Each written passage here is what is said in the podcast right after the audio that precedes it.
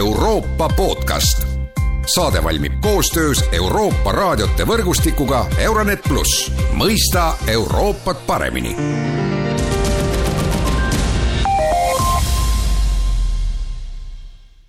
tere taas kuulama Euroopa podcasti.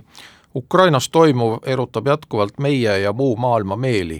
Ukrainast on värskete kohapealsete muljetega tagasi Postimehe ajakirjanik Margus Martin, kellega hakkamegi nüüd sellest riigist rääkima. tere päevast! tervist! ja mina olen Erkki Vahovski. no sa mõni päev tagasi Ukrainast äh, jõudsid tagasi ja noh, esimene küsimus on, kui me vaatame siit äh, neid uudiseid, kuidas äh, Vene armee pommitab Ukraina energiataristut ja kipub tsiviilelanikke igati ahistama, siis kuidas ukrainlaste vastupanutahe on, et kas nad valmistuvad talveks hoolega ja ei karda seda külma, millega siis Moskva neid ähvardab? pigem vastupidi, ma arvan, et ukrainlased ikkagi vastu talve pelgavad seda olukorda ja situatsiooni praegu ikka üsna palju, et äh, milline see valmisolek on, tegelikult mul on üsna raske hinnata, et nii palju, kui kohalike võimuesindajatega seal sai suheldud, siis nemad püüavad ikkagi manada pilti, et äh, et kõik, kõik saab korda ja, ja, ja läheb hästi ja püüavad sellist optimismi säilitada, aga kui lihtsate inimestega seal vestelda ja, ja suhelda, siis äh, need, need äh, toonid nii rõõmsad ei ole, et äh, samas kui sa küsid siin selle, selle võitlustahte ja, ja, ja selle kohta, siis ukrainlased on väga sitke ja visarahvas, et nad tegelikult nendest raskustest hoolimata ikkagi püüavad nendest asjadest üle olla ja, ja, ja ja iga, igaüks siis vastavalt oma võimalustele ka valmistuda talveks no ütleme ka seda, et kus sa täpselt olid ja, ja, ja mida, mida sa nägid? ma olin alguses Kiievis äh, mõned päevad ja kuna oli plaan äh, rohkem rõhku panna Mõkolajevi ja Hersoni oblastile, siis äh, tegelikult suurem osa ajast veetsin Mõkolajevi oblastis ja linnas. No tegelikult nii Kiiev kui Herson on noh, pidevalt uudistes, noh Kiiev muidugi loomulikult sel põhjusel, et, et see on pealinn ja sealt tulevad ka kõik uudised, mis seostuvad Volodõmõr Zelenskiga ja Hersonis. Käib ju tegelikult äge taplus Ukraina armee ja Vene armee vahel, aga alustame Kiievist, et, et noh, kuidas nagu on, ma, see, see küsimus tundub rumal, aga ma täpsustan, et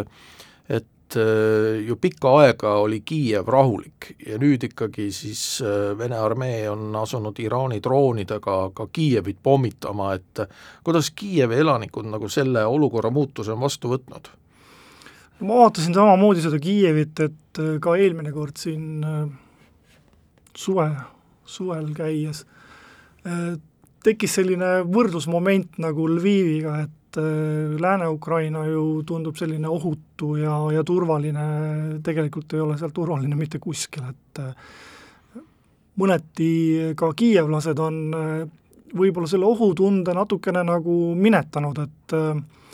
et selline elu keeb, ütleme niimoodi, et jah, et ma jõudsin sinna pühapäeva hilisõhtul ja esmaspäeva vara, varahommikul äh, algaski intensiivne raketirünnak Kiievi kesklinnal, äh, tekkis äh, umbes samasugune tunne, nagu oli sõja alguses, kus inimesed tegelikult sattusid ka paanikasse, see kohe avaldus poejärjekordades, kütusetanklates, kohe tekkisid järjekorrad, et üsna selline, jälle selline déjà vu tunne tekkis, et sõja algusega aga enda ohutus, noh tegelikult on ju ka palju räägitud sellest, et äh, kuidas on nagu ajakirjanike ju, äh, turvalisusega, et mida peaks nagu märkama, mida peaks teadma, noh sa oled ilmselt ju mingisuguseid asju juba selle sõja käigus omandanud? eks ajakirjanikud peavad hoidma silmad-kõrvad lahti ja, ja need äh, isiklikud sellised enda turvalisuse tagamiseks ju ka Postimehe poolt siin meil ju varustus olemas, et kuulivestid, kiivrid, esmaabikomplektid, muidugi kui see raketirünnak sind tabab, siis sellest kuulivestist ja kiivrist ei ole sulle suurt ilmselt abi, aga, aga kõik see, et kus sa liigud, kuidas sa liigud, hotelli asukoht näiteks väga hea, mida on saanud varem siin ka mainida, et et need on nagu olulised faktorid, et need tuleb nagu hästi hoolega läbi mõelda, et kui enamus välispressist eelistab siiski selliseid suuremaid hotelle, kus siis pead-jalad koos ollakse ja, ja, ja võib-olla mõneti sellist paremat elu ka nauditakse, siis me oleme läinud seda teed äh, kolleegidega siin, Jaanus Piirsalu, Dmitri Kotjuhhi ja teistega, et äh, on, on meil välja valitud selline väike, väike hotellikene Kiievi kesklinnas, mis on oma asukoha poolest ka nagu üsna turvaline, et äh, ta on ümbritsetud sellise sellise nagu valliga, et äh, kui see raketirünnak ka oli, üks rakett lendas umbes kakssada meetrit hotellist Klaassilla alla, siis kõmakas oli muidugi päris suur, aga õnneks, et see, see vall tõmbas nagu selle lööklaine ja, ja need raketikillud kõik nagu enda peale, et et, et, et see, see esimene ehmatus piirduski ehmatusega. Jaa, aga nüüd Hersoon, et noh, siin räägitakse ju väga palju sellest, et ukrainlased kohe-kohe on seda Hersooni tagasi võtmas, no kuidas koha peal see asi tundus, et kas, kas ukrainlased on nagu lootusrikkad ja, ja mida nad üldse nagu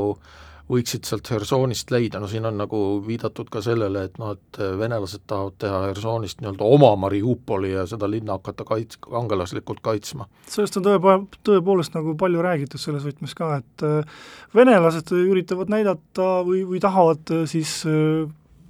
panna maailma üldsust näit-, näidata maailma üldsusele, et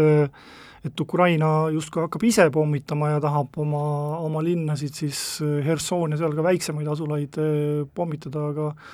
aga tegelikult on ju see rindejoon püsinud seal enam-vähem stabiilsena juba, juba kuid, et et eh, neid, neid arenguid saab olema huvitav jälgida, aga ma arvan, et ega siin mingi lähemate nädalate jooksul vast ei juhtu midagi sellist väga, väga, väga põnevat, et kuigi, kuigi ettevalmistused Ukraina relvajõududel Hersoni tagasivallutamiseks ka käivad, et seda infot muidugi hoitakse väga kiivalt kogu aeg nagu saladuses, ega seal väga palju midagi, midagi väljapoole ei anta no kui palju ajakirjanik üldse saab nagu mingit informatsiooni tõsiselt võtta, noh ilmselt kohalikega rääkides, eks ole, saab neid muljeid vahendada, aga noh, mingisugust ametlikku infot on vist väga raske edastada? ametlikku infot on raske edastada, eks põhimõtteliselt kõik ongi selliste kontaktide ja, ja, ja off the record juttude põhjal, et nii palju, kui siis seda on võimalik nagu era, eravestlustest ka saada, aga aga üldiselt ikkagi ukrainlased oskavad hästi oma saladusi hoida no see on neil õnnestunud tõesti, aga kohalikest rääkides veel, et eh, mis nende jaoks kohe suurim probleem on, et mille üle nad kurdavad kõige rohkem? eks see igapäevane toimetulek on tegelikult selline, mis eh, hakkab silma, et eh, kui Mõkolaev on olnud sisuliselt ju sõja algusest peale ilma joogiveeta, et seal on küll elumajades on äh, veesüsteem toimib, aga noh, tegemist on tehnilise veega, mida saab seal maksimaalselt võib-olla tualetis kasutada, et, et äh, seda söögi valmistamiseks või või, või veel vähem joomiseks kasutada ei saa, et äh, need probleemid, öeldakse küll, et inimene harjub kõigega, on ka need Mõkolajevi elanikud seal ilmselt juba üsna hästi kohanenud ja harjunud, aga aga, aga just toiduainete äh, nappuse üle ei saa kurta, poed on kaupa täis, aga just see sissetulekute pool, et äh, on suur tööpuudus, sissetulekuid paratamatult seeläbi ei ole ja ja see seab nad nagu keerulisemasse olukorda. samamoodi on ju juttu olnud väga, väga palju ka sellest, et et äh, humanitaarabi, eks ole, mis sõja alguses nagu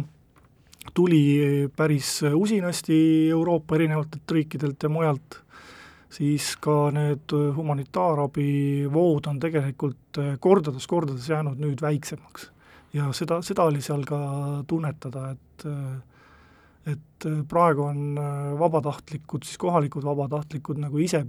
üritavad seal nagu teha selliseid jõupingutusi, et ikkagi need esmavajadused katta, hügieenivahendid, meditsiini kas see põhjus võib olla selles, et äh, see lääne tähelepanu Ukraina sõjule, sõjale kipub hajuma, et noh, tegelikult Ukraina sõda on ju kestnud juba mitu-mitu kuud ja noh, maailmas on muid probleeme ka. tundub küll nii ja, ja eks Ukraina on ise ju seda infot nagu ja, ja juttu ja palveid ju kogu aeg kedranud hoolega, et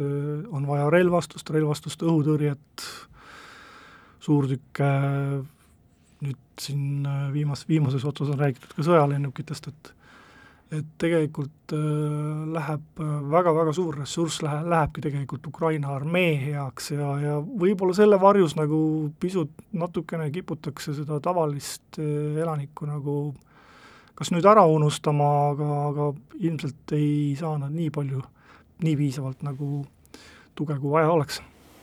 no kui palju ukrainlased üldse siis loodavad lääne abile, et kas nad on selle lääne abiga rahul, loodavad, et lääs annab neile rohkem ja, ja tõepoolest, nagu sa juba ütlesid, kas lääs peaks andma siis rohkem humanitaarabi või, pigem relvastust, noh ilmselt on need ka omavahel nagu sõltuvad? eks seal peabki leidma sellise mõistliku tasakaalu, et selge on see, et Ukraina vägede edenemine on ju väga suuresti kinni selles, et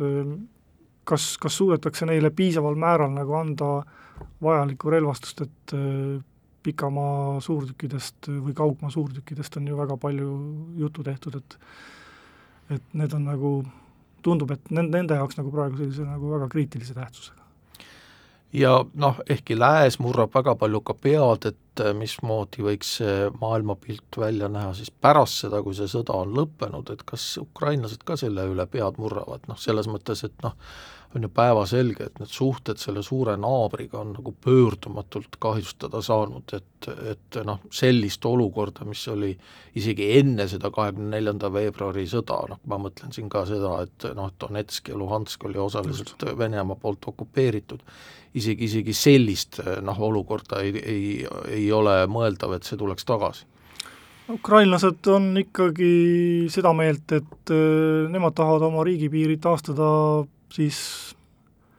selles algses äh, nii-öelda situatsioonis, mis oli enne kahe tuhande neljateistkümnenda aasta sissetungi Donbassi. ja ma ei ole seal kohanud küll ühtegi inimest, kes oleks öelnud, et äh, nad tahaksid Venemaaga kuidagi